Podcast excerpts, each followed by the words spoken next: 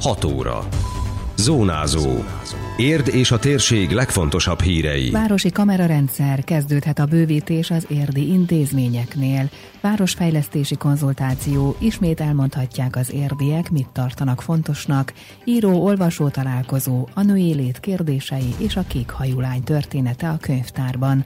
Köszöntöm Önöket, Szabó Beáta vagyok. Ez a Zónázó, az Érdefem 101,3 hírmagazinja a térség legfrissebb híreivel. Indulhat a városi térfigyelő kamerarendszer újabb bővítése, eredményesen befejeződött a közbeszerzés az objektumvédelmi kamerák elhelyezése tárgyában, hangzott el azon a városvezetői sajtótájékoztatón, amelyen aláírták a fejlesztésről szóló szerződést.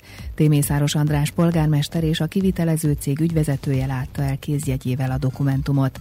Az új kamerák az önkormányzati és állami intézmények biztonságát növelik majd, mondta mondta a városvezető. Gárdonyi Géza általános iskolától kezdve a Batyányi Sportiskolai Általános Iskolán keresztül, a Kincses óvoda tája tagóvodáján keresztül, a Magyar Földrajzi Múzeum, a Városi Könyvtár, a Körösi Csoma Sándor, csak így kiragadtam ebből a hosszú listából egy-egy intézményt, óvodáink, a múzeum, a könyvtár, sorolhatnám én mindent. Azt szeretnénk, hogy minél nagyobb biztonságban legyenek egyrészt a látogatók, az ott dolgozók, illetve azok a vagyontárgyak, amik ezen az épületen belül vannak. A korábbi években is bővült a rendszer, így összesen már 143 korszerű kamera működik a városban, növelve a közbiztonságot, illetve a rendőrségi munka hatékonyságát. Témészáros András kiemelte, hogy 2006-ban a 23 megyei jogú város között érd az utolsó helyen állt a közbiztonság szempontjából.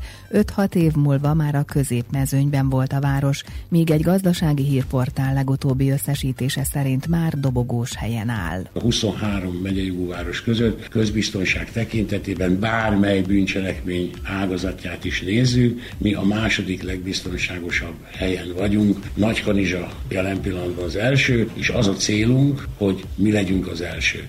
Ez valószínűleg köszönhető ennek a kamera kihelyezéseknek is, de egyértelmű és bizonyosan köszönhető a rendőrség munkájának, illetve a rendőrséggel közösen dolgozó közterületfelügyeletnek, valamint egy nagyon erős polgárőr egyesületnek, ami a városban működik, több mint 150 taggal. Az újabb fejlesztés 181 millió forintból valósul meg a Modern Városok program részeként. 30 intézménynél összesen 79 kamerát szerelnek fel fél éven belül, ismertette Agárdi Péter, a kivitelező MS Technika Kft. ügyvezetője. Így összesen 222 térfigyelő kamera működik majd a városban a nap 24 órájában. Összesen 37 objektumban fogunk kiépíteni kamerarendszert, ez általában 4 és 6 kamera között lesz a kiépítés építés. Nagy része az a külső hévédelmet fogja szolgálni, illetve egy kamera lesz általában, ami a bejáratot nézi. A rögzítés az minden esetben a helyszínen fog megtörténni. Egy zárt regszekrénybe lesz elhelyezve a rögzítő monitor, illetve ez egy riasztórendszerrel el lesz látva, amit itt az érdi kamera szobából fognak tudni majd kikapcsolni, és a felvételeket az csak vagy a rendőrség, vagy biztonsági szolgálat, vagy az érdi köztelet felügyelet alkalmazottja jelenlétében lehet majd csak visszanézni.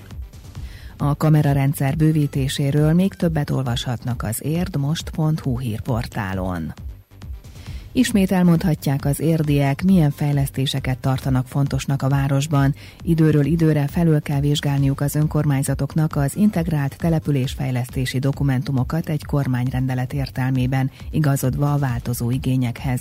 Mint a városvezetői tájékoztatón elhangzott, a fejlesztési alapdokumentumok tervezése előtt is kikérték a lakók véleményét, az érdi újságon keresztül és az interneten is beküldhették az elképzeléseiket. Sikeres volt a konzultáció, több mint ezer kitöltött kérdőív került vissza, és 2012-ben ezek figyelembevételével készítették el az integrált településfejlesztési stratégiát, közölte Témészáros András polgármester. Hamarosan ismét elindítják a fejlesztések tervezését, hiszen sok minden megvalósult az előzőben megfogalmazottakból fűzte hozzá. Kezdve az itt lévő intézményi hálózatfejlesztéstől, bölcsödétől, óvodától, iskolától, középiskolától, folytatva illetve az infrastruktúra fejlesztésén keresztül, útépítéstől kezdve a felszíni víz elvezetésen keresztül a úgynevezett modern városok programjába sikeresen beletett záportározón, az akkörüli városligeten át. Nagyon sok minden megvalósult abból, amit az internet településfejlesztési stratégiában megfogalmaztunk. A Bemtéri óvoda, az M7-es csomópont, az új parkvárosi közösségi ház, az integrált szociális ellátóközpontnak a létrehozata. Jövő héten megyünk a Kóskároly szakképző és szakmunkásképző intézménybe, ahol a úgynevezett szakképző centrumnak az alapkörletételére kerül sor. Tehát látszik, hogy az integrált településfejlesztési stratégia elkezdett megvalósulni. A városvezető rámutatott, hogy az elmúlt években kevés uniós pénz jutott a megye településeinek a régiós beosztás, illetve a főváros fejlettsége miatt, mivel Budapest és Pest megye egy régiót alkotott, de már külön vált a két térség, és a fejlesztési dokumentumok aktualizálása azért is nagyon lényeges, hogy érd sikeresen pályázhasson az uniós forrásokra, hangsúlyozta a polgármester. Éppen ezért az Európai Uniós céloknak megfelelően olyan település fejlesztési stratégiát kell létrehozni, ami lehetővé teszi majd az európai pénzek megpályázását is és megszerzését. Számításaink szerint az, hogy szétvált a Budapest, illetve Pest megyéből álló közép-magyarországi régió Budapestre és Pest megyére, két közigazgatási egységre, ez körülbelül az elkövetkezendő 21-től elkövetkezendő 7 esztendőbe legalább 70 milliárd forint pályázati pénz lehetőséget nyit meg a város számára. Tehát azért érdemes volt harcolni, hogy a közép-magyarországi régió két NAC 2 régióvá váljon.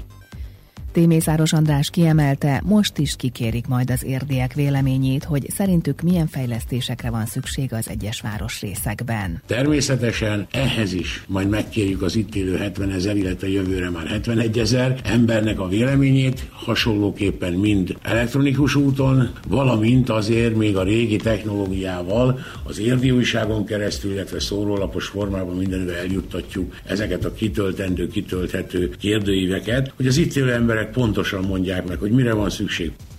Az újabb konzultáció várhatóan november-december körül indulhat. Író-olvasó találkozók az érdi napokon. A rendezvénysorozat részeként a Csuka Zoltán Városi Könyvtárban egy napra két írói látogatás is jutott.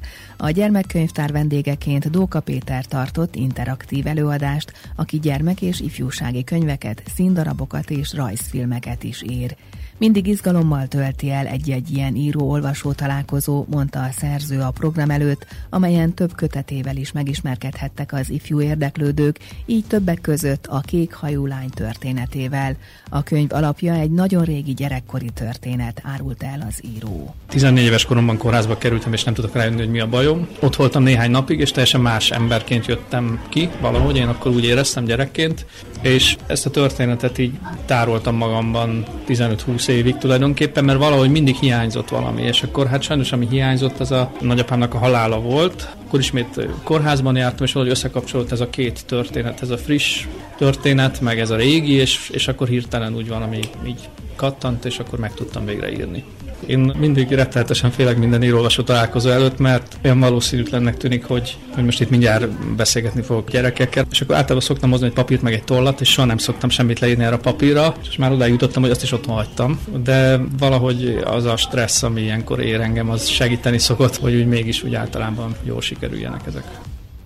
Főként a női lét kérdéseiről volt szó a felnőtt könyvtárban tartott író-olvasó találkozón. A látogatók Hidas Judit író újságíróval beszélgethettek. A szerző írásaiban elsősorban a nők társadalmi helyzete, a nőkkel szembeni elvárások, a női szerepek változása jelenik meg.